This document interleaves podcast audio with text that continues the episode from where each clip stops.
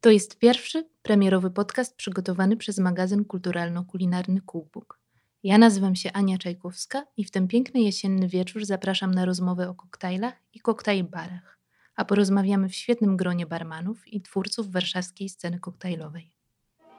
Rozmawiamy dzisiaj z Patrykiem Lenart, założycielem Międzynarodowej Szkoły Barmanów i Sommelierów. Dzień dobry. Pawłem Rodaszyńskim, założycielem El Cocktail. Moi drodzy, witam serdecznie. Patrykiem Kowalskim, barmanem i współzałożycielem Wody Ognistej. Dzień dobry, dziękuję za zaproszenie.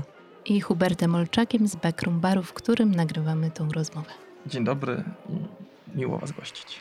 Zapytam Was na początek, jak zaczęła się Wasza przygoda z zawodem, jak trafiliście do świata koktajli. Może zaczniemy od Patryka? Tak, naprawdę moja przygoda z barem zaczęła się 13 lat temu, w wakacje świeżo po maturze szukałem pracy, tak żeby zacząć coś robić ciekawego po, po szkole, przed pójściem na studia. No i oczywiście najprostszą e, opcją było znalezienie pracy w gastronomii. Tak naprawdę spacerując po centrum Lublina, mojego rodzinnego miasta, trafiłem do takiego bardzo popularnego irlandzkiego pubu, gdzie okazało się, że kucharzem jest kolega, którego, e, którego znałem przez wspólne zainteresowanie sportem. I on umówił mnie następnego dnia, już następnego dnia na dzień próbny.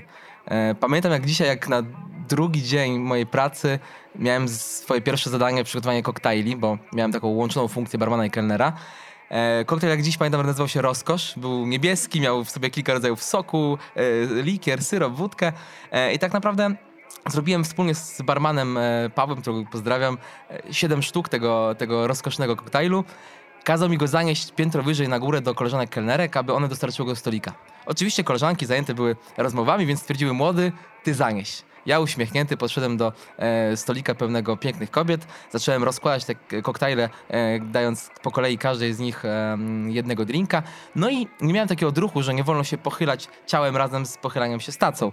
Więc ostatnie dwa wylądowały na tacy, oblewając jedną z pań. Wróciłem szybko na bar, kolega załagodził sprawę. Dostały panie rundę e, jakichś ciekawych e, szocików od nas, od firmy. Byłem przekonany, że już to będzie koniec mojej przygody z gastronomią. Następnego dnia okazało się, że zadzwonili, stwierdzili, że widać, że e, podoba mi się ta praca, więc jeżeli mam ochotę i się nie przestraszyłem, to żebym wrócił.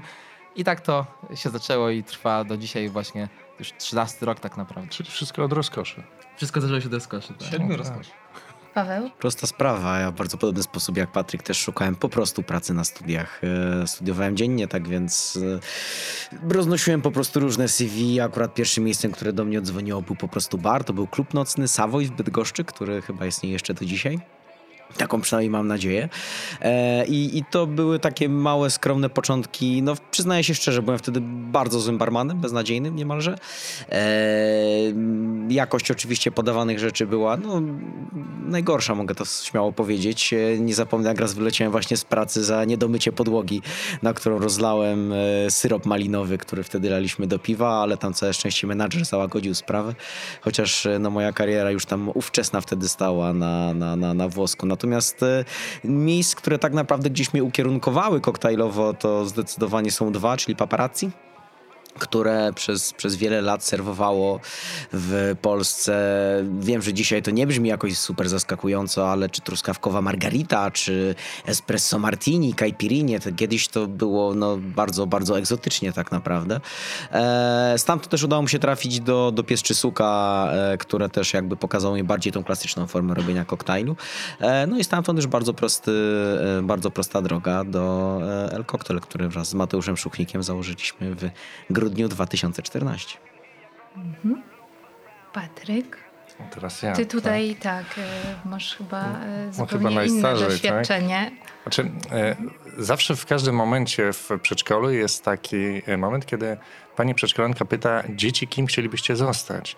No Jasiu mówi, że chciałby zostać strażakiem, Marysia lekarką, ja podniosłem rękę i powiedziałem, że chciałbym być barmanem. Oczywiście, że tak nie było. Jasne, że nie było. Jak w którymś momencie mojej bytności w Polsce e, miałem okazję przenieść się do Stanów. Ja to tak zawsze mówię, że e, wywiad wojskowy, który, w, czyli WKU, dla wtajemnicze nie wiedzą o co chodzi, spowodował, że znalazłem się w Stanach Zjednoczonych. Więc miałem dwie opcje, albo pracować na azbestach, albo pójść do knajpy.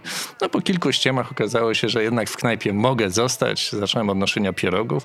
Potem zmiana lokalu do lokalu. Poszedłem do jednego takiego naprawdę dobrego lokalu i mówię, cholera, chciałbym być barmanem. Dlaczego chciałbym być kelnerem u was pracować? Na co oni mówią, kelnera nie potrzebujemy, ale barmana szukamy. Ja mówię, no to dobrze trafiliście. Kiedy zaczynam? Za 10 dni.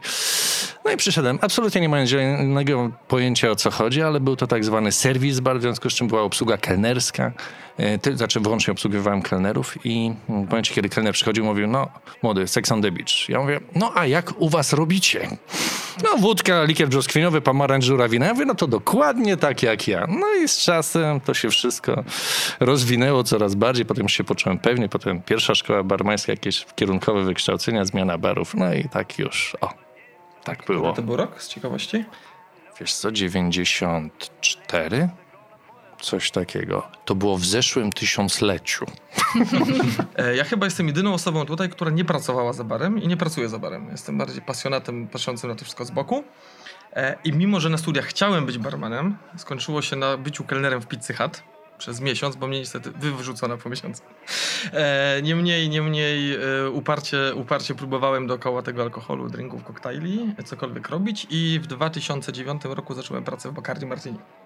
A po roku przeniosłem się do wyborowej, czyli Pernod Ricard Polska, więc tak troszeczkę z boku, z punktu widzenia działu marketingu branży firm alkoholowych obserwowałem to wszystko, a z czasem praca prze, prze, przeistoczyła się w hobby ponieważ zacząłem jeździć po świecie, odwiedzając najlepsze koktajlbary świata. No i tak sobie od tamtej pory jeżdżę, jeżdżę, jeżdżę. A to, co, co, co z tego wyjeżdżenia wyszło, możemy właśnie oglądać, ponieważ był to Backroom Bar, który powstał jako zlepek kilku, kilkunastu najfajniejszych barów, które zobaczyłem. Niestety za barem w Bakrumie też nigdy nie stałem i chyba nie stanę, bo za bardzo nie, no, szanuję naszych spróbować. gości. No nie, no, musisz koniecznie spróbować. Nie, no to jest Chociaż szansa, w raz, czwórkę tak. staniemy, naprawdę. Któregoś dnia. Ja kiedyś chciałbym. Mam takie marzenie, żeby kiedyś stanąć za barem, ale boję się trochę, tak jak widziałem o gości, więc zobaczymy jak to wyjdzie. E, Więc bardziej z drugiej strony praktyk slash teoretyk, ale, ale nie barman. Patryk, y, ty mówiłeś, że wyjechałeś i tam się za granicą uczyłeś y, fachu barmańskiego. Jak wtedy wyglądała scena polska, kiedy wyjeżdżałeś? Wiesz co, jak wyjeżdżałem, to w ogóle nie miałem pojęcia o scenie, scenie polskiej. Ja pamiętam tego, że w Polsce wtedy były dwa koktajle. To było piwo i piwo z sokiem, prawda? No nie, no było, już tam wiadomo, no to przecież i, i stowarzyszenie dobrze działało w miarę, więc w niektórych tych hotelowych barach można było kupić. Natomiast ja wiem, że po powrocie to natknąłem się właśnie na, na jakieś takie archaiczne koktajle i to tak z zobaczenia mówię, hej, hej, tu jest chyba dość dużo rzeczy, które można wdrożyć i można wyedukować, w związku z czym uznałem, że wtedy tak naprawdę, że założę szkołę i, i jakoś to poszło. Natomiast rzeczywiście w, w latach 90. w Polsce Ciężko było powiedzieć, to był Johnny Walker z Coca-Colą, prawda? No się pojawił, jak ktoś był bardziej wiedział, był światowy, no to pił tego Biftera Gordonsa z tonikiem, prawda, tam jakiś zwiędły plasterek cytryny, no to takie rzeczy były. Natomiast nie, ja pamiętam, jak ja wróciłem ze Stanów i pokazałem, co to jest caipirinha, to nikt nie wiedział, o co chodzi, a mojito to w ogóle powiedzieli, żebym poszedł w ogóle, co, co gdzie oni mi tutaj wsadzają, gdzie tu wsadzasz jakieś ziółka i tak dalej, między zęby to wchodzi. O, i tyle to z tego było. A wasze pierwsze wyprawy do barów i zetknięcie się ze światem koktajli, to Tak naprawdę jakie pamiętam, koktajle? Pamiętam jak e, właśnie pracując w Lublinie, e, po, po tej mojej pierwszej przygodzie z, z tym irlandzkim pubem, trafiłem do klubu, więc stamtąd e, po jakimś czasie e, zawędrowałem do szkoły Patryka, właśnie Lenarta, na kurs Flair. E, Tomek Małek i Marek Pozuszny uczyli mnie tej sztuki widowiskowego przyrządzania koktajli. No i od razu użyłem sobie taki plan w głowie, że pojadę z kolegami do e, Trójmiasta na sezon, e, po to, aby zdobyć środki potrzebne, żeby potem podbić Warszawę, więc taki był y, ambitny plan i faktycznie y, Sopot pokazał to, że już ta scena się różniła, e, barowa, może nie, nie, nie wiem, czy mogę powiedzieć koktajlowa, ale taka barowa scena się różniła versus Lublin. E, Było więcej koktajli tropikalnych, egzotycznych, było dużo właśnie kajpirini, kajpiroszek, różnych wariacji na ten temat. Dopiero w Warszawie tak naprawdę zobaczyłem, co to znaczy e, klasyka, czyli klasyczny old fashion i to, że ludzie faktycznie sami zamawiają te koktajle, nawet nie trzeba było bardzo mocno ich tam namawiać, tylko już ta świadomość konsumenta była dużo wyższa.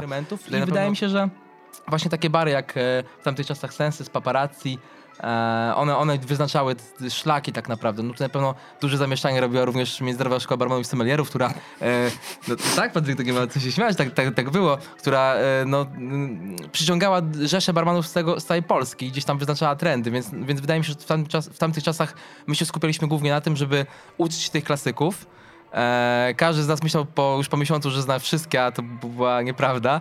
E, I potem każdy próbował już swoje właśnie takie tutaj pierwsze twisty robić i, i no i do dziś pamiętam, że się okazywało, że nagle wystarczy tylko rozgnieść maliny, w, dodać je do kolinsa z rozmarynem i już jest super koktajl, tak? I, i faktycznie to, to, to te lata 2010, jak mi się wydaje, e, to już były takim właśnie momentem, kiedy ludzie zaczęli jak najmocniej w Polsce eksperymentować z tymi, z tymi smakami tak e, po raz pierwszy.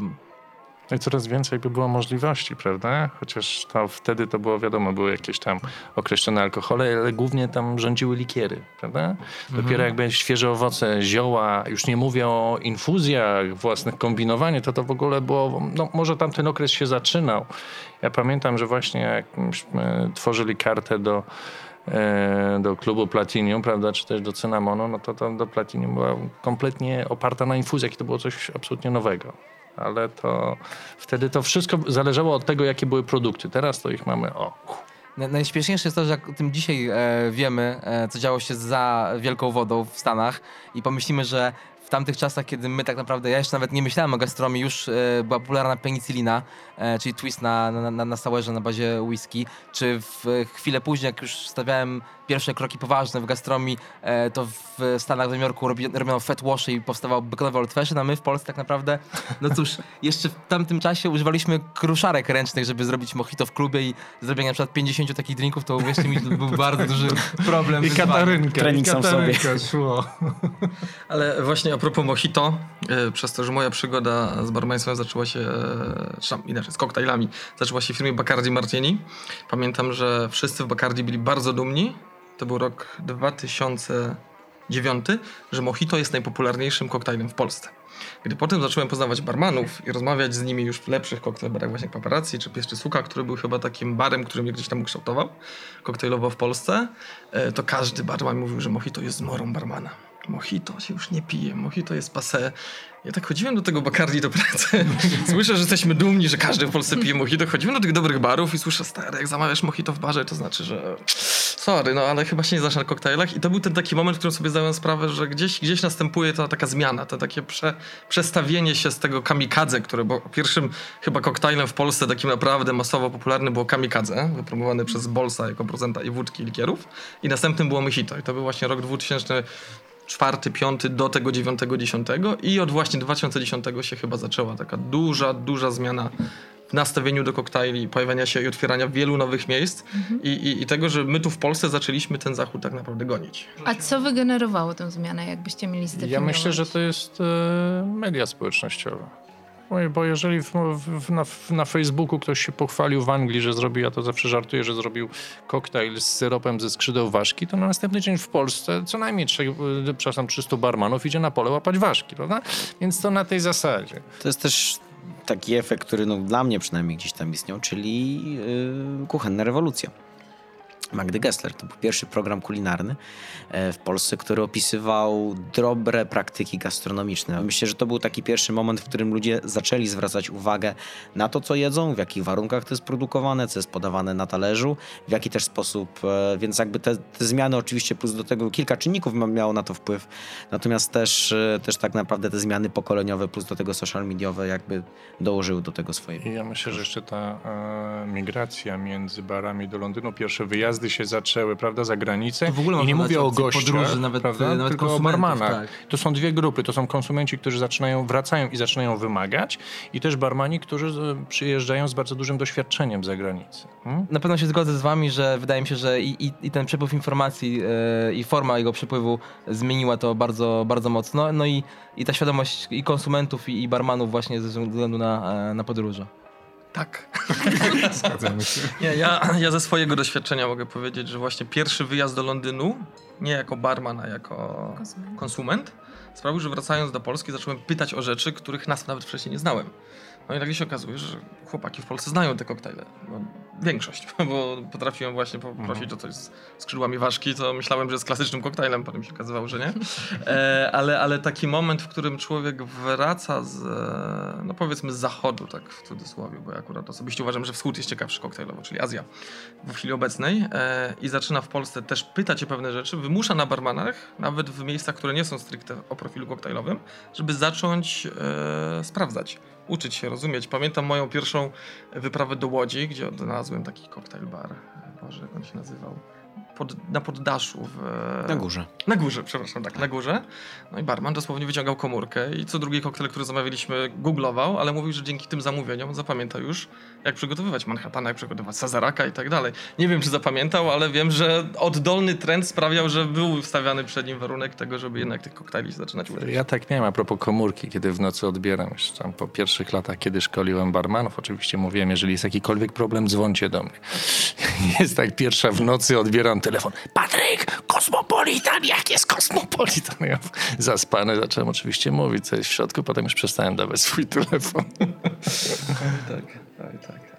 Patryk, a ty z punktu widzenia osoby, która uczy y, robienia koktajli y, od tylu lat, y, jakie zmiany obserwujesz y, wśród osób, które przychodzą po wiedzę? Czy y, zmienił się profil tych osób, czy zmieniły się też oczekiwania, y, możliwości? Kwestia jest duża, że ludzie nie wiedzą po co przychodzą.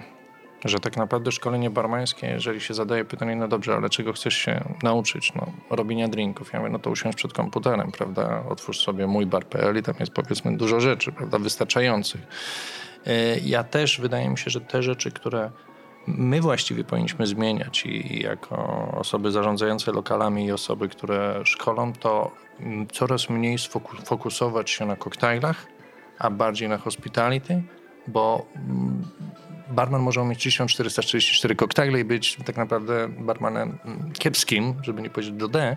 Natomiast barman, który nie umie żadnego koktajlu, może być cholernie dobry. Ja to mówię, najpierw nauczy się sprzedawać szklankę wody, a dopiero potem będzie się zajmować skrzydłami ważki. A tu jest niestety odwrotnie. Potem się okazuje, że nikt już nie ma czasu na to, żeby się nauczyć odpowiedniego witania, czy też tego um, odpowiedniego um, traktowania gości. W związku z czym, no tutaj jest mały problem nie wiedzą po co przychodzą, a ciężko jest im potem wytłumaczyć, że to wcale nie o to chodzi, żeby ten koktajl płonął, ział ogniem i tak dalej. Że to nie po to goście przychodzą, że tak naprawdę koktajl jest wyłącznie narzędziem, a nie efektem pracy.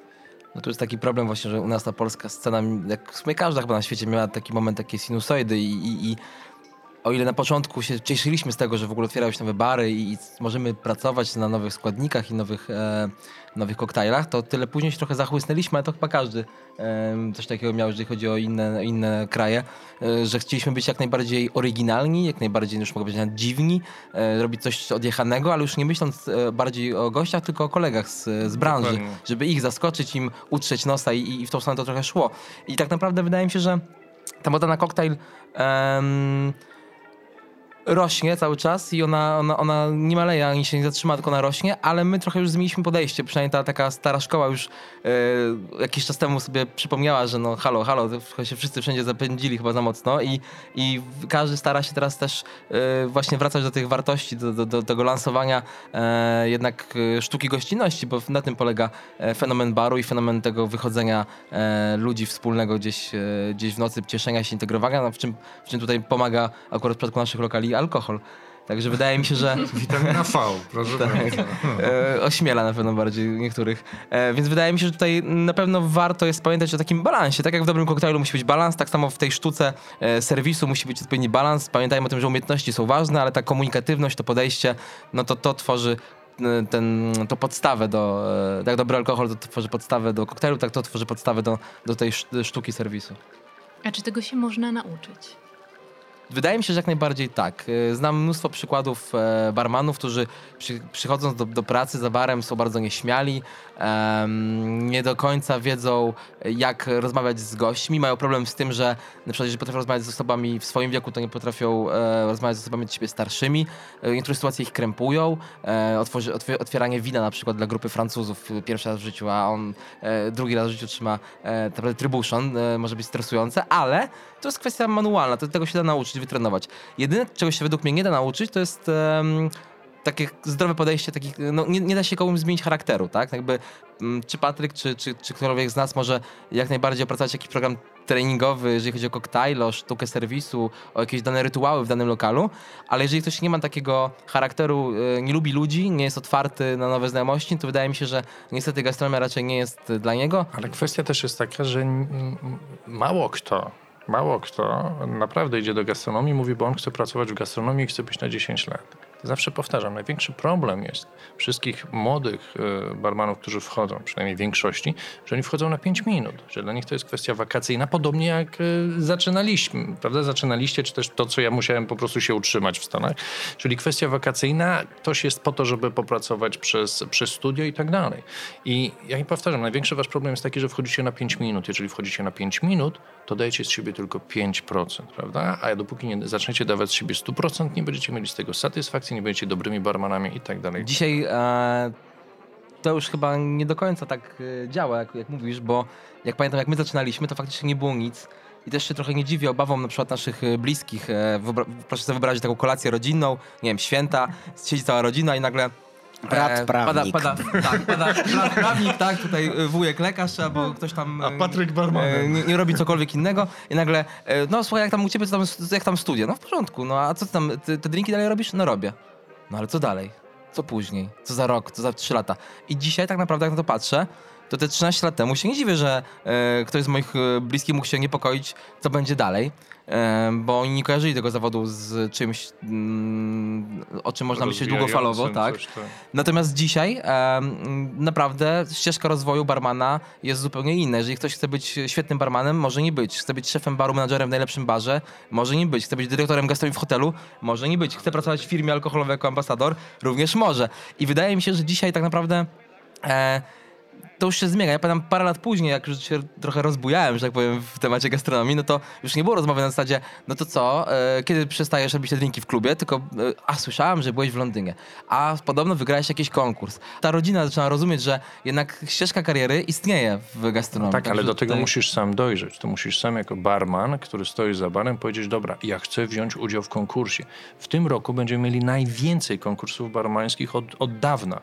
I też zwróć uwagę, jak mało mimo wszystko osób się decyduje startować. Nie widzą przed sobą tego rozwoju, nie chcą inwestować w siebie, bo oni są na 5 minut. Ale po pewnym czasie, jeżeli ktoś dojdzie do tego, wiedzą do tego, że hej, chcę w to, mam pasję, zainteresowało mnie to, chcę w to wejść, to wtedy tak. Ale wydaje mi się, że mimo wszystko jednak, e, Paweł, ty wygrałeś wiele konkursów, e, widzisz, e, teraz cały czas spędziłeś dużo konkursów tych młodych barmanów, no to jednak nie oszukujmy się, ich jest coraz więcej i oni faktycznie em, startują, bo widzą w tym jakąś opcję trampoliny, żeby troszkę bardziej się e, pokazać w, w branży, w środowisku i faktycznie dużo osób przychodzi do, do pracy, em, czy na szkolenia, które też prowadzisz, jak mam podobne doświadczenie i mam że się zgodzisz, bo myślą już o tym dzisiaj e, faktycznie, że chcą za te 5 lat dalej pracować w gastronomii. Tu akurat zdecydowanie się zgodzę, bo jakby to, co zawsze też powtarzamy na szkoleniach, że już gastronomia to nie jest e, bieg na 100 metrów. To jest maraton i warto już o tym pomyśleć. E, Jeżeli oczywiście są osoby, które się nie oszukują, nie wiem, studiują, dajmy na to informatykę, medycynę czy, czy cokolwiek innego, wiadomo, że ta praca ma ich utrzymać, okej, fajnie. E, Natomiast rzeczywiście tutaj jednak też się zgodzę, że tych ścieżek kariery jest zdecydowanie więcej I, i sam przykład chociażby tego, że, że poza jakby z Patrykiem, chociażby też poza prowadzeniem lokalu, e, też jesteśmy szkoleniowcami, jeździmy w sumie po, po całej Polsce, uczymy barmanów e, jak dobrze wykorzystać swój potencjał, to też pokazuje tak naprawdę niesamowite możliwości. A ja ze swojej strony mogę dodać, że rzecz, która mnie zaskoczyła, gdy ruszaliśmy z Backroomem, to fakt, że z jednej strony bardzo dużo osób 30-30 kilkuletnich się pojawiło, chcących pracować za barem i wiążących z tym swoją przyszłość, a druga, e, te osoby pytały wprost o warunki zatrudnienia w postaci umowy o pracę, odkładania składek ZUS-owskich, ponieważ oni chcą w tym zawodzie pracować jeszcze przez wiele lat i traktują go jako normalną pracę na etat. Ale zwróć uwagę, że to nie była osoba 19-letnia. Tak, zgadzam Prawda? się. Tak, to jest tak. pewien okres, to ten trend ja też zobaczyłem. Mam na szkoleniach coraz więcej osób, które mówią, mam dość korpo, prawda? Ja chcę pójść do baru, e, naprawdę i, i czuję, że mi się to podoba, jest rzeczywiście i z tym chcę włączyć swoją karierę, przyszłość, ale to jest ten wiek, kiedy już człowiek pewne rzeczy zrozumie, prawda? A co u Was zadecydowało o tym, że weszliście na 100% do tego zawodu, a nie na 5 minut? W moim przypadku niewątpliwie byli to ludzie. Ja zawsze byłem e, takim towarzyskim gościem. E, faktycznie się odnalazłem w roli barmana i, i sprawia mi to coraz to większą przyjemność. Jakiś taki miałem w sobie em, takiego bakcyla, który, który sprawiał, że chciałem się uczyć coraz więcej nowych rzeczy, chciałem zaskakiwać pozytywnie swoich gości. E, poznałem kolegów, którzy gdzieś tam pokazali mi, jak fajnie można rywalizować e, właśnie na konkursach barmańskich, co jeszcze bardziej tak naprawdę podkręcało według mnie kreatywność, bo to jest taka rywalizacja sportowa. To nie jest nic negatywnego, tam nikt sobie nie rzuca kłód pod nogi, tylko wręcz przeciwnie, każdy stara się jak najbardziej właśnie coś ciekawego zademonstrować, więc to mm, gdzieś tam pobudza te pokłady kreatywności na pewno w, w barmanach. Wyjazdy gdzieś za granicę, bo zobaczyłem wiele różnych e, lokali gastronomicznych od Moskwy przez e, Paryż, Barcelonę, Nowy Jork, e, tak naprawdę na całym świecie. Pokazały mi, że no da się zrobić w Polsce e, z gastronomii biznes. Jest mnóstwo rzeczy, których jeszcze w Polsce nigdy nie, nie, nie, było, nie widziałem przynajmniej ja takich rzeczy, e, więc jakby tych em, takich patentów sprawdzonych, patrząc na innych przykładach, jest trochę jeszcze. E, I przede wszystkim też tak naprawdę taka, no, taka szczera, szczera e, pasja, no bo w pewnym momencie poznaje się ludzi, którzy są tak samo pozytywnie zakręceni na tym samym punkcie i jeden drugiego motywuje. No ja miałem akurat to szczęście, że mój serdeczny przyjaciel Emil Oponowicz wrócił z Londynu. E, właśnie w sumie wrócił dlatego, że e, pojawiła się okazja, żeby otworzyć e, koktajl bar własny, takie spełnienie e, marzeń każdego barmana. My już przewidzieliśmy ten trend, że w koktajlach, nie tylko w kuchni, e, Polacy wrócą do polskich smaków, do tych smaków takich regionalnych, sezonowych, do dwudziestolecia międzywojennego 6 lat temu i tak naprawdę już wtedy w głowie nam się kształtował taki obraz lokalu. Wiadomo, że w trakcie to zawsze wychodzi e, troszkę inaczej, ale, ale, ale jestem zadowolony dzisiaj z tego tworu, który stworzyliśmy i tak naprawdę to, co motywuje mnie najbardziej w tej pracy, to są ludzie i zarówno koledzy z pracy i koleżanki, jak i, jak i właśnie nasi goście. Dla mnie takim momentem tak naprawdę to było moment otwarcia lokalu. Gdzie przyznaję się, że nawet wcześniej już tam, już tam powiedzmy osiągając jakiś poziom i tak miałem dużo wątpliwości, czy ta gastronomia jednak y, to jest to. I tak no, muszę się przyznać szczerze, że w sumie cały czas mnie to zastanawia, w sensie ostatnio mam takie pytanie, co mógłbym robić jeszcze z racji tego, że też chcemy rozwijać nasze biznesy, z racji tego, że też chcemy rozwijać pomysły na, na, na siebie. E, można to powiedzieć, że, że, że lokal, który ja też prowadzę, no, utrzymuje się na rynku, co oczywiście jest sukcesem, ale też, też odnosi jakieś e, mniejsze, większe sukcesy. Tak więc e, no, pora tak naprawdę zacząć się zastanawiać i rozglądać nad nowymi projektami. Czy będzie to gastronomia? Będę szczerzy, nie wiem. Uwielbiam wino, kocham gotować. E, koktajle to jest bardzo duża część mojego życia. Natomiast to są jakby też pytania, które każdy sobie zadaje. To znaczy, co rzeczywiście można robić też e, innego poza gastronomią? Czy jest życie? E, I oczywiście to życie jak najbardziej jest. Wrócisz, Załóż wrócisz. winnicę, tam będziesz miał restaurację i koktajl bary, a my będziemy cię przyjeżdżać. I jakby pojawiają się po prostu różne pomysły, przyznaję się szczerze. Ja jakby nie, nie, nie definiuję tego. To, to, że prowadzę teraz lokal i jakby tym się zajmujemy, to też no, nie definiuje tak naprawdę tego, co być może będzie niebawem, ale to też trzeba czasu. A to ja mogę z drugiej strony powiedzieć, bo ciągle pracuję na etacie. Nie będę podawał nazwy pracodawcy na wypadek, gdyby mój szef Słuchał. e, mógł usłyszeć i słuchał, e, ale ja docelowo na przykład, e, patrząc na to, jak fajnie udało nam się zbudować backroom, myślę, żeby docelowo właśnie spróbować stworzyć jeszcze jeden projekt, jeden koncept i opuścić korporację, zostać tylko w gastronomii. Myślę, że to jest też oczywiście kwestia tego, że jak 3 lata czy 4 będę tylko w gastronomii, to zacznę tęsknić, ale na ten moment ja mam odwrotnie do Pawła. Chciałbym tylko tym żyć. Nie wiem, czy to wyjdzie, nie wiem, czy mi się uda, bo e, jak sami teraz mówimy, bardzo dużo się dzieje na mieście, dużo nowych rzeczy się tworzy, cały czas pomysły, które człowiek chodzi, człowiekowi chodzą po głowie się nagle pojawiają, nie wiadomo skąd. Patryk, ty powiedziałeś, że Polska koktajlowa to jest taka sinusoida. E, W którym momencie sinusoidy jesteśmy teraz? Spadamy, wzrastamy i jak się ma Warszawa do reszty Polski? Wydaje mi się, że jesteśmy w takim dobrym momencie wzrostowym tak naprawdę i na pewno gwałtownie nie spadniemy. Już teraz raczej będzie to takie, będą to takie delikatne wyboje, jeżeli już. Jesteśmy w takim etapie, że coraz więcej osób w koktajlbarach chce robić koktajle kraftowe, czyli takie zawierające świeże składniki, e, domowej roboty syropy, szraby, tynktury. E, patrzymy się na trendy z zagranicy, czyli no waste, zero waste. Staramy się e, dbać o środowisko, robiąc tą produkcję barową, e, produkując składniki. Myślimy oczywiście o, poza ekologią o, też o tych trendach zagranicznych. E, Bardzo dużo też osób, wydaje mi się, że w ogóle chce po prostu robić koktajle i dobierać je do potraw. To też widać e, ten wzrost zainteresowania w hotelach i, i restauracjach e, koktajlami, bo no, to jest coś, co mnie zawsze trochę bolało, że za granicą te najlepsze koktajlowe bary często to były bary hotelowe e, lub bary restauracyjne również. E, a w Polsce zawsze było tak, że w dobrej restauracji można było spotkać super sommeliera i wypić e, naprawdę rewelacyjne wino dobrane do potrawy, ale był problem, żeby zamówić e, jakiś koktajl jako aperitif albo, albo, albo po posiłku. A jeżeli chodzi o mm, inne miasta w Polsce versus Warszawa. No Warszawa jest stolicą, jak każda stolica na świecie, przoduje w wielu, w wielu rzeczach, chociażby w tym, że mamy naprawdę dużą liczbę takich stale mieszkających tutaj obcokrajowców, czy, czy duże koncerny mają tutaj siedziby, więc jakby łatwiej jest tej gastronomii zarobić na siebie, tak mi się wydaje. E, poza tym no, jest to największy przemiał ludzi taki e, gastronomiczny e, też w Polsce. Na pewno widać, że te duże miasta mocno nie odstają. Mam tu myśli ogólnie Trójmiasto, Kraków, Wrocław. Z tego co widzę też cały czas się poprawia sytuacja na przykład w moim rodzinnym Lublinie. Słyszałem też, że Rzeszów i Szczecin całkiem sobie nieźle radzą, więc wydaje mi się, że to wszystko idzie do, do, przodu, do, do góry. W jednych miastach trochę wolniej, w drugich trochę szybciej, ale na pewno, na pewno ten trend jest widoczny i ta, ta sztuka obsługi e, gości i, i zarówno pod względem właśnie tym, e, o którym mówiliśmy, czyli, czyli tym podejściu, jak i, jak i tej faktycznie e, fachowości fizycznej, to, to, to wszystko idzie w dobrą stronę. W skrócie myślę, że można powiedzieć, że ci goście na koktajle w większości tych miast po prostu są, tylko po prostu oni czasami nie mają gdzie wychodzić.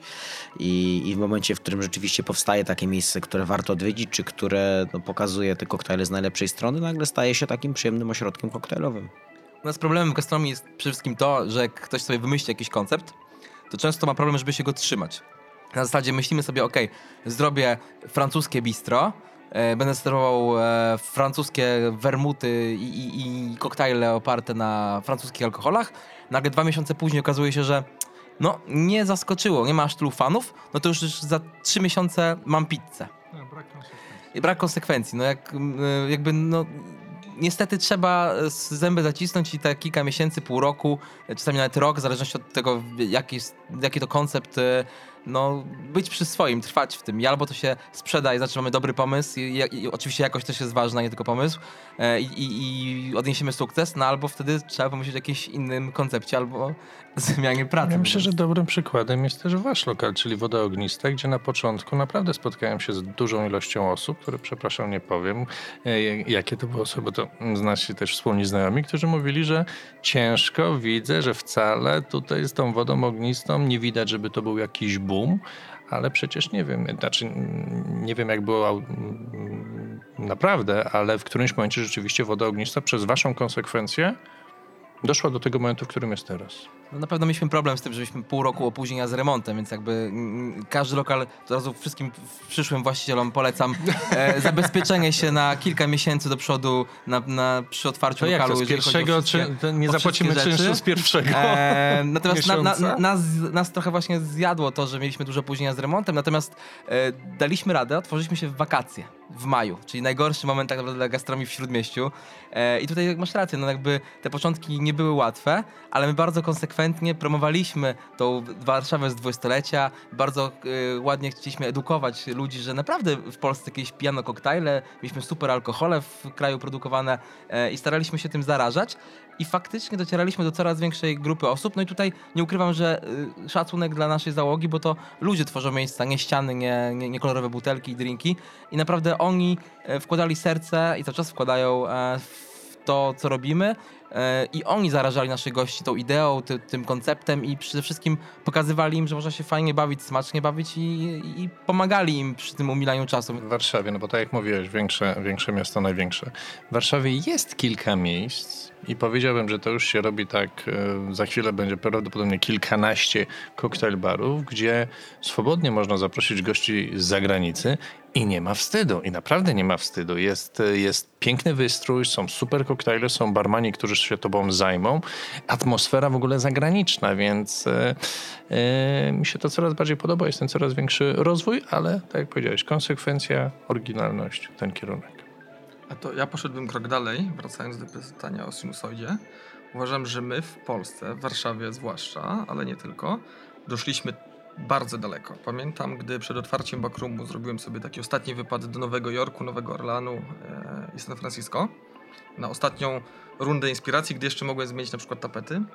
Eee, I po powrocie z Nowego Jorku na przykład tu konkretnie byłem bardzo zawiedziony. W sensie byłem bardzo zawiedziony poziomem tego, w jakich koktajl barach byłem, a naprawdę odwiedziłem najlepsze bary w mieście, ponieważ porównywałem Nowy Jork do Warszawy i liczyłem na dużo więcej. To były dobre bary, ale my w Polsce, w Warszawie mamy bary, które można byłoby bez problemu tworzyć w Nowym Jorku i one by sobie radziły. Na przykład El Cocktail, pff, ja widzę sukces momentalny na Manhattanie. Woda ognista to samo. Wracałem do Warszawy i chętnie szedłem na przykład na Giro Dreams of Martini do El Cocktaila, bo takiego koktajlu w całym Nowym Jorku nie dostałem. Więc ja uważam, że my w Polsce zrobiliśmy naprawdę kawał dobrej roboty. Fakt faktem tych najlepszych, najlepszych koktajl barów jest, tak jak Patryk powiedział, kilka może kilkanaście, ale już naprawdę nie mamy czego się wstydzić. Ja na przykład jadąc, nie wiem, ostatni case, do Madrytu, widzę, że to oni mogliby się od nas uczyć. Gdzie mówimy o zachodniej Europie, Hiszpanii, kraju bardzo rozwiniętym gastronomicznie. Odwiedzam 4-5 najlepszych barów e, w Madrycie. Mówię, kurde, tęsknię za Warszawą. E, więc, więc, więc akurat pod kątem e, rozwoju sceny barowej w Polsce myślę, że naprawdę fajne rzeczy się wydarzyły. I to, co powiedział Patryk, no do nas przychodzi bardzo dużo obcokrajowców i mówią, że kurde, ja widzę was lokal w Nowym Jorku. W sensie, na przykład w tym budynku mieszka dziewczyna, która wróciła z Nowego Jorku 4 lata tam mieszkając. Zrobiła sobie obchód po wszystkich lokalach dookoła, weszła do nas i mówi no to wiem, że już będę do was przychodzić, bo to jest dokładnie jak mój ulubiony bar w Nowym Jorku. No nie ukrywam, że Nowy Jork i częściowo Niger z Londynu był inspiracją do otwarcia backroomu, ale to jest fajne, że słyszysz od ludzi z zachodu, zwłaszcza od Amerykanów, którzy zawsze, zawsze mówiło się, że robili najlepsze koktajle otwierali najlepsze koktajlbary, że bez wstydu mogą e, u swoich znajomych e, do różnych miejsc i nawet wracają do Stanów mówiąc, słuchajcie, nie uwierzycie w jakim genialnym koktajlbarze byłem w Polsce. Czyli możemy powiedzieć, że po prostu barowo wstajemy z kolan. Myślę, że już staliśmy dawno, jesteśmy nawet, powinniśmy stać z dumnie wyprostowaną piersią i się naprawdę bez wstydu, e, poruszając po świecie, e, chwalić tym, co tutaj osiągnęliśmy. Patryk trochę powiedział o specyfice y, i wyróżniku wody ognistej, a Paweł, co byś powiedział o El Cocktail? Śmiało mogę powiedzieć chyba, że jest to no, jedno z takich pierwszych miejsc, które przede wszystkim stawiało na gościnność i, i, to właśnie gdzieś wyznaczyliśmy sobie za znacznik jakości. Z bardzo prostego powodu też właśnie to, o czym było mówione tutaj po wielu latach eksperymentów doszliśmy do wniosku, że to właśnie nie te eksperymenty są najważniejsze, ale sposób, w jaki goście są obsługiwani, czy, czy to, co zawsze też powtarzamy na naszych szkoleniach, że nawet najlepszy koktajl wypity w najgorszej atmosferze nie będzie smakował tak samo jak, jak średni koktajl z bardzo dobrą atmosferą. I, i zrozumieliśmy też to, że goście przychodzą do, do gastronomii po swojego rodzaju experience, e, który też za każdym razem staraliśmy się, staraliśmy się dawać. Nasz, nasz pierwszy lokal jeszcze na Poznańskiej e, nie byliśmy pewni tego trendu, to był lokal na dzwonek, czyli po prostu trzeba było do nas zadzwonić, ktoś wychodził, witał, natomiast to nie, nie wynikało z tego, że prowadziliśmy jakąś selekcję, tylko z tego, że od samego początku staraliśmy się naszych gości dbać, dbać jak najlepiej, czyli to, żeby ktoś cię powitał, wziął, zabrał twoją kurtkę, usadził cię na odpowiednie miejsce, nalał szklanki wody. Wiem, że teraz to już nie jest nic zadziwiającego, aczkolwiek 5 lat temu jeszcze wiem, że to było po prostu jedno z niewielu miejsc w Polsce, które tak, e, które tak robiło i, i to też była taka rzecz, która, którą wiedzieliśmy, ponieważ tak jak mówię, jako właściciele wtedy jeszcze bardzo biedni, no nie mieliśmy pieniędzy i wiedzieliśmy, że chcemy stawiać na bardzo proste, uniwersalne smaki, ale staramy się tym gościom dawać to, co tak naprawdę może być, czyli najlepszą obsługę. Hubert, powiesz nam o idei Backroom Baru? Nowy Jork lat 30. w centrum Warszawy. To był pomysł, który od początku przyświecał mi po zobaczeniu naprawdę dużej ilości koktajl barów e, w największych miastach świata, zauważyłem, że każde z miast ma przynajmniej jeden, jeśli nie kilka, klasyczny koktajl bar. Klasyczny koktajl bar, w którym leci jazz, w którym wystrój nawiązuje do lat 20., 30., w którym koktajle są bardziej oparte o klasykę. I zastanawiam się, czemu w Warszawie nie powstał do tej pory taki lokal.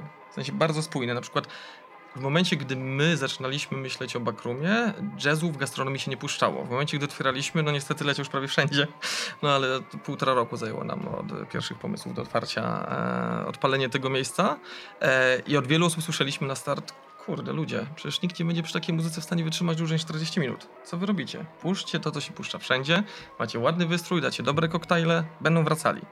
No ale właśnie ta konsekwencja, o której panowie mówili. Nie, tutaj będzie grany jazz, ponieważ to jest koncept oparty o latach 30. i muzyka jest jednym z najważniejszych elementów utrzymywania tego klimatu i tego konceptu. No i okazuje się, że ten jazz e, nie przeszkadzał nikomu, a co więcej, dużo osób wraca, e, na przykład na koncerty jazzowe, które, które, które od jakiegoś czasu już e, mamy w czwartki na żywo i doceniają to, że właśnie w takich wnętrzach taka muzyka z takimi koktajlami się fajnie komponuje. Więc to, co się też mi bardzo podoba na przykład ze strony klienta na to patrząc, e, głównie moich znajomych, bo z nimi rozmawiam szczerze, ale też często zagaduję do gości, których tu mamy, że Polacy zaczynają doceniać coś takiego jak spójny koncept w gastronomii. Kiedyś mówiło się, że idziesz do lokalu, gdzie jest dobre jedzenie, dobrze karmią, dobrze miksują koktajle i ma być ładnie.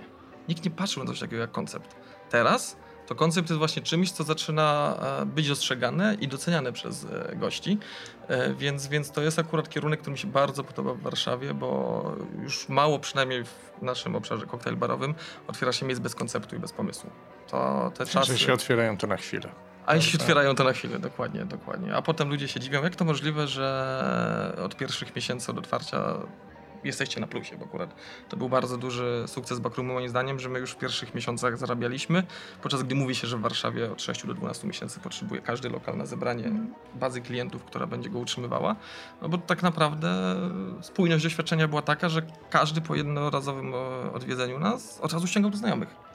Fakt faktem mamy nadreprezentację randek, zwłaszcza z Tindera, no ale nie będę walczył z tym, bo, bo, nie, bo nie, ma, nie, ma, nie, ma, nie ma potrzeby. Teraz najśmieszniejsze jest to, tak wam powiem, jako taki, wiecie, że hopla na punkcie historii polskiej gastronomii. E, Najśmieszniejsze jest to, że to wszystko już było tak naprawdę. Mhm. Ten tak, jazz tak, był, tak. E, były te wszystkie rewie, były te kabarety, te występy, była ta muzyka na żywo, były te koktajle, były różne profile lokali i, i to wszystko było i tak wydaje mi się, że ten, e, szczególnie mówię o dwudziestoleciu międzywojennym, kiedy ta moda do nas przyszła z zachodu, z filmów, e, z Hollywood, e, z takich stolic jak Paryż, jak Londyn. I najśmieszniejsze jest to, że nas tak naprawdę ta, ten, ta, ta komuna tak nas trochę gdzieś stłamsiła gastronomicznie i o ile co dziwne, wychodziły bardzo ciekawe poradniki przedkelnerskie z tamtych okresów, które mówiły świetnie o sztuce gościnności, naprawdę bardzo profesjonalnie, z takim świetnym podejściem, to tyle, no te lokale już to podej i, i, i, to jak to było fizycznie namacalne, to już nie było takie fajne. E, no wiadomo, że, że nie mieliśmy takich warunków e, bytowych, żeby, żeby tak, nie każdy miał, e, jak w porównaniu z dzisiaj, takie warunki, żeby, żeby chodzić po lokalach, ale to jest takie mm, i piękne i przerażające, że my robimy teraz takie kółko yy, tak naprawdę. I wracamy do czegoś, co było. I mi strasznie jest przykro, że, że nas yy, te ponad 40 lat gdzieś tam, gdzieś tam uciekło takiej gastronomii, takiej prawdziwej. I mam nadzieję, że, że teraz będziemy, yy, tak jak sam zauważyłeś, y, ponad te nawet miejsca w, w, w Europie i Polska pojawi się na, na tej mapie barowej, koktajlowej, bo dalej mimo wszystko jesteśmy trochę schowani. Mamy te lokale naprawdę topowe, e, nie tylko w Warszawie, mamy super e, ludzi, którzy pracują w gastronomii, ale mimo wszystko gdzieś dalej ta Polska na tej mapie świata koktajlowego gdzieś jest trochę schowana niestety jeszcze. Więc tutaj może wracamy do tej sinusoidy, prawda? Że tutaj jesteśmy znowu na szczycie, tylko się zastanawiam, czy za chwilę po tym szczycie nie będzie spadek w dół. Bo jeżeli mówimy o barach, tak jak powiedzieliśmy, kilku, kilkunastu, patrząc na Warszawę, gdzie naprawdę można przyjść, jest człowiek naprawdę potraktowany jako gość, a nie jak klient, to mimo wszystko powstaje bardzo wiele lokali, gdzie ludzie pracują i nie dając siebie tego, co powinni dawać, ale obawiam się, że to jest ogólny trend. Ja to bym nie chciał wchodzić w politykę, ale generalnie trend na zasadzie takiej, że bardzo małej ilości osób się chce. Bardzo małej ilości osób się chce powiedzieć przepraszam w tramwaju, prawda? Jak wychodzą, czy pewne inne rzeczy. I obawiam się, że tutaj za chwilę będziemy mieli taki może jestem za bardzo przyzwyczajony do, do, starej szkoły i do tego, że ja naprawdę lubię tego barmana, który mm, przeciera szklankę, rozmawia, kontakt wzrokowy i te inne rzeczy. Ludziom się coraz mniej chce. Tutaj zwróćcie uwagę na komunikację. W większości lokali, gdzie się pójdzie, to jest po prostu albo wzrokiem zapytanie, albo jest po prostu słucham. Ja to mówię, że barman w Polsce generalnie patrząc na wielkość, to umie pięć rzeczy powiedzieć. To jest słucham, z lodem czy bez, karta gotówka, nie mam wydać, gdzie mój napiwek złodzieju. I to jest pięć rzeczy, które barman mówi. I boję się, że my będąc tutaj na szczycie, możemy my jako koktajl bary jesteśmy troszeczkę, naprawdę patrzymy perspektywicznie, chcielibyśmy i to, to jednak w większości patrząc na, e, na nasz kraj, to jednak obawiam się, że jeżeli ludziom się nie zachce bardziej, albo nie będziemy wymagać my jako e, klienci bardziej, przepraszam, jako goście, idąc do baru nie będziemy wymagać bardziej, to obawiam się, że to będzie spadek. Ja się muszę zgodzić, bo ta sinusoida jest nie tylko typowo polska. Przecież to, co się działo w Stanach, okej, prohibicja zrobiła swoje, ale w latach 70., 80. to też był bardzo, bardzo niski poziom koktajli, dużo składników e, sztucznych, chemicznych premiksów i dopiero od połowy lat 90. zobaczyliśmy ten renesans, jak to oni ładnie nazywają, kraftowych koktajli, e, który trwa 20, 20 parę lat, e, ale też nie wiadomo, gdzie to pójdzie dalej, bo jednak, jednak lata 30 czy lata 20 30 jeszcze po prohibicji dobrze się trzymające, potem ten dołek, znowu górka, więc, więc nie jest wykluczone, że to nie jest tylko polski trend gdzieś na świecie, to się cofnie. Ja trzymam kciuki i mam dużą nadzieję, że nie, bo bardzo lubię to, co się dzieje globalnie na świecie koktajlowo, ale rzeczywiście pewnych cykli się nie da uniknąć. Ja myślę, że tutaj jest jeszcze jedna rzecz, o której wszyscy się zgadzaliśmy i też co Paweł powiedział a propos gości, którzy przychodzą do, do nas po experience coraz e, mniej gości przychodzi do koktajl baru, żeby się, przepraszam, upić, prawda? Coraz więcej chce doświadczyć tych rzeczy i myślę, że skupienie się w bardzo dużym stopniu na dostarczaniu tego experience, koktajlu, który będzie spójny z tym wszystkim. E, to nie jest też tak, że ja wracam do jakiegoś koktajl baru, bo na przykład tam mi smakują koktajle. Koktajl mam na drugim miejscu. On jest dobry, pijalny, w razie czego podejdę i zamówię sobie, nie wiem, wódkę z tonikiem, prawda? E, I tak dalej. W związku z czym e, myślę, że coraz bardziej powinniśmy się sfokusować, bo wszyscy będą teraz tego, tego oczekiwać w coraz większym stopniu, czyli tego experience i tego poczucia się być naprawdę gościem, a nie petentem, klientem. Paweł, coś dodasz tutaj, bo uśmiechasz się? Nie, no myślę, że, że, że, że nie. Tak jak mówię gdzieś tam, to, to zdaliśmy sobie sprawę z tego x lat temu, że rzeczywiście to doświadczenie, po które przychodzą nasi goście jest na wagę złota. I oczywiście też staramy się robić dobre koktajle i, i, i, jakby to w ogóle nie podlega, nie podlega żadnym dyskusjom. Natomiast e, no mamy też świadomość tego, że, że też sami widzimy ilość zmian, które, które zaszły przez te wszystkie lata. E, nie tylko prowadząc lokal, ale zaczynając nawet tutaj pracę, czy po prostu będąc na miejscu. Tak więc wydaje mi się, że, że wszystko raczej idzie w dobrym kierunku. No jednak patrzymy w jasną stronę słońca. No, ja to na przykład mhm. jestem, e, mogę o waszej książce powiedzieć, że jeszcze o tym nie mówicie głośno. Nie wiem, czy tak w temacie tutaj już... Yy... Ale właśnie to jest rzecz, która, e, okej, okay, no to wspomnę tylko. E, w momencie, gdy zacząłem się troszeczkę bardziej interesować już koktajlami strony teoretycznej, jedyna literatura, jaką udało mi się znaleźć sensowna, warta polecenia, była zawsze ze Stanów albo z Wielkiej Brytanii w ostateczności. No a teraz chłopaki wydają, nie wiem, czy to będzie pierwszy podręcznik w Polsce, ale na pewno jeden z pierwszych, tak duży, E, i, i kompleksowy, e, dedykowany historii koktajli, kultury koktajlowej, może pewnym przepisom, więc fajna rzecz jest taka, że w Polsce pojawia się rynek nawet na publikacje książkowe gdzie goście koktajlowi chcą też sami siebie zacząć się uczyć więcej e, na temat tego, co stoi za, za tymi koktajlami, które piją na co dzień, więc trzymam kciuki, bo chętnie kupię jeden z pierwszych egzemplarzy i trzymam, przy, przyjdę trzymam, po autograf. Trzymam, ja liczę, że dostanę. Trzymam, no tak, jesteś influencerem, więc jak najbardziej. Tak opiniotwórczy człowiek na pewno dostaje egzemplarz. A tak poważnie, jak się poczułbym taki wywołany do odpowiedzi, to um, dwa słowa o, o, o tym projekcie. E, nie jest to pierwsza książka dotycząca koktajli w Polsce, absolutnie e, ani nawet w ostatnich latach. Na pewno jest to pierwsza książka z kategorii takich książek wydawanych przez lokale, bo to jest coś, co e, ty też zauważyłeś jeżdżąc po świecie, że mieliśmy taki trend szczególnie w Stanach, gdzie lokale po paru latach działalności dzieliły się swoją wiedzą, dzieliły się swoimi recepturami na te właśnie um, ich kraftowe koktajle, dzieliły się recepturami na ich e, składniki domowe, które robiły i ich wizją gastronomii w postaci takiej publikacji, większej, mniejszej, czasami naprawdę wydawanej w piękny sposób, e, czasami bardzo tak oldschoolowo i mi się zawsze marzyło, żeby coś takiego e, zrobić, jeżeli nasz lokal faktycznie odniesie sukces. No tak stwierdziłem z, wspólnie z Emilem, że to jest ten moment, kiedy możemy taką publikację wydać, zwłaszcza, że faktycznie dużo osób pyta nas o przepisy na koktajle, pyta nas o przepisy na te homemade i my dzielimy się tą wiedzą, bo tak naprawdę no nie jest to e, jakaś super e, dziwna, e, trudna sztuka magiczna, tylko, tylko tak naprawdę trzeba po prostu lubić e, mm, gotować a, albo, albo mieszać, ale lepiej jedno i drugie.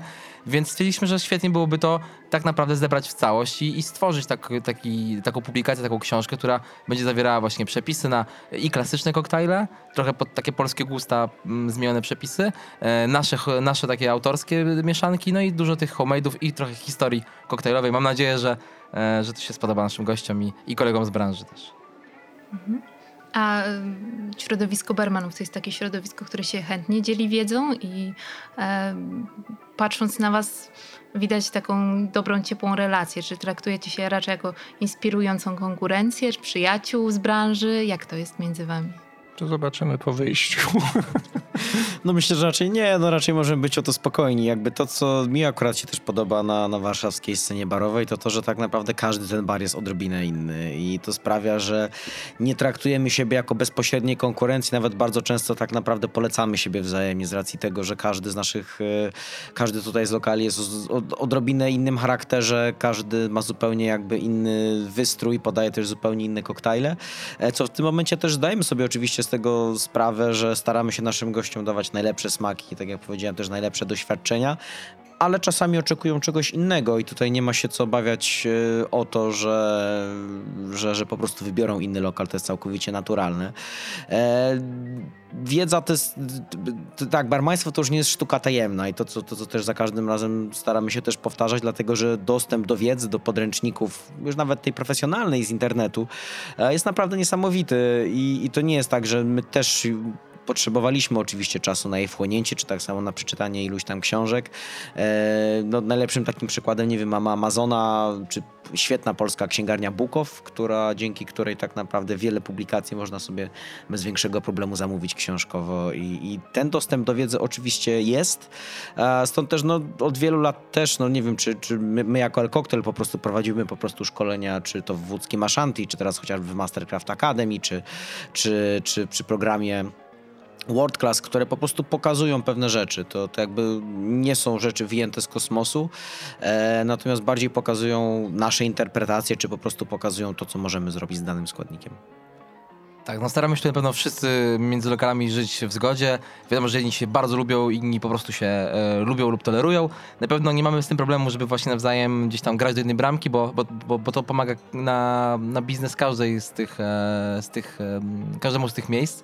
E, co ciekawe, to jest, to jest w ogóle zabawna historia, bo e, my jak sąsiadujemy, jak najbliżej mamy do e, wybitnych kotybarów dwóch, mianowicie mówię tu o Kicie Koguta i świetnym kotybarze, gdzie można też potańczyć, czyli Six Cocktails, takim bardzo fajnym speakeasy miejscu, gdzie przez długi, długi czas goście myśleli, i to ciężko, czas nas pytali o to, czy czy to jest jeden, jedna firma, jeden właściciel, no bo nie wierzyli w to, że konkurencyjne teoretycznie dla siebie miejsca tak bardzo się polecają. Faktycznie lubimy się polecać i też tak to, co powiedział Paweł, wydaje mi się, że to, że mamy czasami podobne spojrzenie na gastronomię, e, to nie znaczy, że robimy to samo, bo e, każdy ma swój styl, każdy ma i to inne flow, więc inaczej podchodzi do, do, do serwisu i to absolutnie nie jest, e, nie jest zagrażające. Zresztą taka zdrowa rywalizacja zawsze też podkręca kreatywność.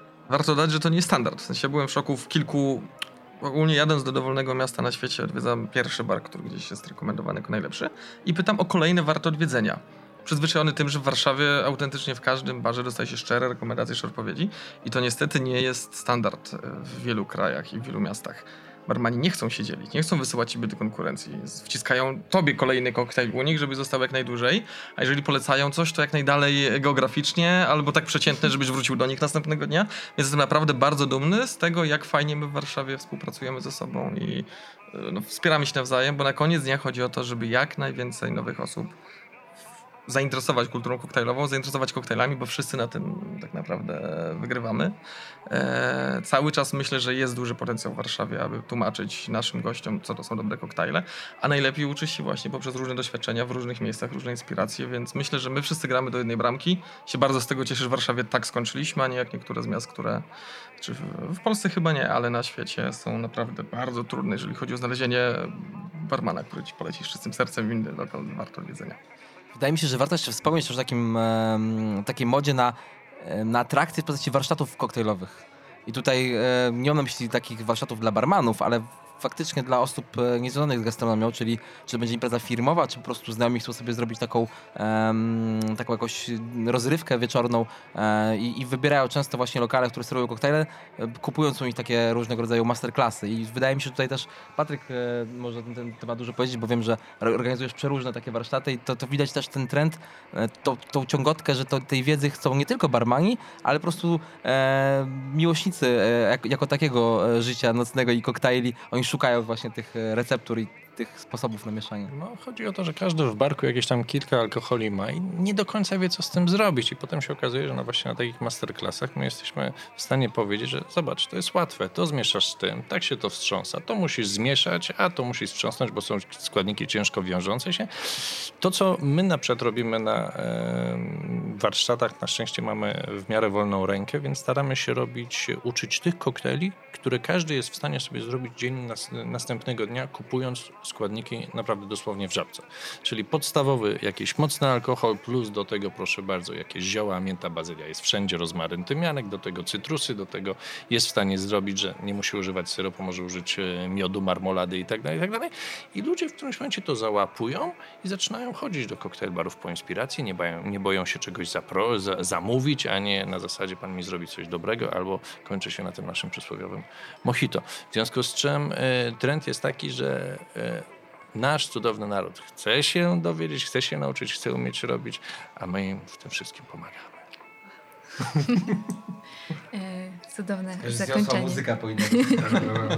Rozmawiamy tyle o koktajlach, więc podzielcie się tym, co wy wybieracie chodząc do baru absurd polega pracy tutaj na tym, że najciemniej pod latarnią mi oczywiście szef bez butów wchodzi i prawda jest taka, że mi w domu zdarza się w ogóle nie pić koktajli, jestem wielkim miłośnikiem wina. Eee, i, to jakby jest kierunek, który rzeczywiście dużo bardziej mnie przekonuje, natomiast przyznaję się, że po pracy i to wiele, wiel, wielu ludziom to tłumaczymy, jakby wiele osób też nie potrafiło to zrozumieć, że po 12, 14, 16 godzinnej ciężkiej piątkowej zmianie nie ma nic lepszego do wypicia niż zimne piwo. Myślałem, że zdradzisz, jak najczęściej barmani piją piwo, bo to też jest taka tajemnica Poliszynela, że są dwa takie stałty. I, i tutaj jakby to, to, jest taki gdzieś tam mały rytuał rzeczywiście, ponieważ e, wiadomo, że ta, ta praca jest bardzo dynamiczna. Bardzo często jest tak, że dużo dajemy dla tych gości. Zdarzają się, jak to w każdym lokalu, jakieś sytuacje kryzysowe, ale to takie no, tam, nie wiem, tu kostkarka zaleje, tutaj zmywarka odmówi posłuszeństwa, tutaj coś się zbije w, w najmniej odpowiednim momencie, więc, więc oczywiście ta noc jest jakby pełna emocji i każdy z nas myśli, przynajmniej ja tak lubię sobie tam chwilę odsapnąć. E, natomiast no, to jest y, zawsze tak jak z koktajlami, jak bardzo często pada takie pytanie, jakie jest ulubiony koktajl barmanów. E, no i każdy w sumie odpowiada różnie I, i, na tym chyba też polega ta, ta magia, że wbrew pozorom chyba zdecydowana większość z nas pije bardzo proste rzeczy, e, bardzo uniwersalne. Ja uwielbiam daiquiri, najprostsze daiquiri jakie tylko i wyłącznie jest, e, ale jestem też wielkim fanem i miłośnikiem Aperol Szpryca, więc to on skradł docelowo moje serce koktajlowe. Ale to się zgadzam, chociaż jak ktoś mnie pyta, jaki jest mój ulubiony koktajl, to oczywiście zawsze i czy, czy ulubiony alkohol, to zawsze mówię, że to jest cudzy. To jest mój naj, naj, najulubiony cudzy. Ale fakt, że e, to, co Paweł powiedział, szewc bez butów, to nie jest tak, że powiedzmy po jakimś tam warsztatach czy ciężkim dniu szkoleniowym siadam i zaczynam sobie przez 15 minut robić, robić jakiś koktajl. Szklanka, lód, dwa składniki i relaks. Ja w domu oczywiście sięgam po koniak albo po jakąś dobrą whisky, tutaj w zależności od nastroju. A jeżeli chodzi o koktajle, to chyba najczęściej Negroni i koktajle na bazie ginu. To jest, to jest coś, co tak wybieram, jak chodzę, chodzę do baru e, prywatnie. Ale, ale tak naprawdę to zależy wszystko od, tak, już nie będę mówił, pory roku, tego co mamy w głowie i tym innych rzeczy, z tak, kim nastrój, jesteśmy, tak. jak długo mamy zamiar zabawić, czy będziemy się bawić w jakieś drinki przedłużane, czy też po prostu szybka piłka i tak dalej. Hmm? No tak, słuchaj, przy weselu dobra polska wódka, e, zakąska klasyczna też jest w porządku. Tak? Myślę, że przede wszystkim ta różnica w naszym przypadku polega na tym, że bardzo świadomie korzystamy z tych napoi. Wiemy co dostaniemy. Wiemy co dostaniemy, wiemy co zamawiamy, wiemy co jaką pełni funkcję i wiemy też do jakich miejsc się wybieramy. Myślę, to jest to, bo tak samo do mnie też czeka wesele, nie moje wesele, ale, ale mojego przyjaciela i wiem, że, że z nim tam strzelić strzemiennego właśnie do jakiegoś śledzika to będzie wielka przyjemność i myślę, że dużo bardziej świadomie po prostu potrafimy dobierać ten alkohol do, do danej sytuacji, tak samo jak też oczywiście zdarza mi się pić szampana, czy, e, czy po prostu dobrocznikowe wino, natomiast wiem, że to po prostu wymaga okazji. To ja chyba z racji tego, że właśnie za barem nie pracuję, Ko koktajle lubię. E, w domu rzeczywiście kończę najczęściej na Negroni, bo on jest bardzo łatwy do przygotowania, a zarazem uwielbiam jego smak. Natomiast e, ulubiony koktajl, który zamawiam w barach, to jest Vesper Martini. Tak, potwierdzam. Myślę, że... Zamawiany u Na Myślę, japońskim ginie, z tego co ostatnio pamiętam. Ostatnio było tak eksperymentowanie, ale z chłopakami w koktelu, jeszcze poprzednim koktelu Tak, tak. eksperymentowaliśmy na wszystkich możliwych ginach. Naprawdę ja tyle Vespera, ilu was wypiłem, to chyba... Aż drugą knajpę otworzyli. Więcej, Dokładnie. więcej niż James Bond w jednym odcinku. Dokładnie. E, e, no akurat nam wyszło, że najsmaczniej wychodziło na Gordonsie, czyli takim klasycznym, tradycyjnym ginie, e, który niestety bardzo trudno jest dostać w dobrych koktajlbarach w chwili obecnej, ale tak, Vesper Martini to jest taki mój numer jeden, od którego też często zaczynam różne podróże w różnych krajach na świecie. Fajnie też jest odbierane, to przynajmniej z mojego doświadczenia, gdy nie zamawia się czegoś z karty, a prosi się o coś lubianego z klasyki, bo od razu barman, najczęściej oczywiście staram się przy barze, patrzy, a, jesteś z branży? Kiedyś mówiłem, nie, jestem pasjonatem, podróżuję, a teraz mogę dumnie powiedzieć, tak, jestem. Nie- Nieważne gdzieś na świecie. Czy jest to Japonia, czy jest, są Stany Zjednoczone, Europa, czy Australia, zawsze. Zawsze ten koktajl jest czymś, co, co, co, co fajnie zaczyna łączyć ludzi. Pięknie. Bardzo Wam dziękuję. To my dziękujemy za Dziękujemy. zaproszenie. Dziękujemy. Dziękujemy, bawcie się dobrze, ale pamiętajcie, nie przesadzajcie. Gośćmi naszymi byli Patryk Lenart, założyciel Międzynarodowej Szkoły Barmanów i Sommelierów, Paweł Rodaszyński, założyciel El Cocktail, Hubert Olczak, założyciel Backroom Baru i Patryk Kowalski, barman i współzałożyciel Wody Ognistej. To był pierwszy premierowy podcast przygotowany przez magazyn Cookbook. Po więcej inspiracji kulturalno-kulinarnych zapraszamy na cookbook.pl.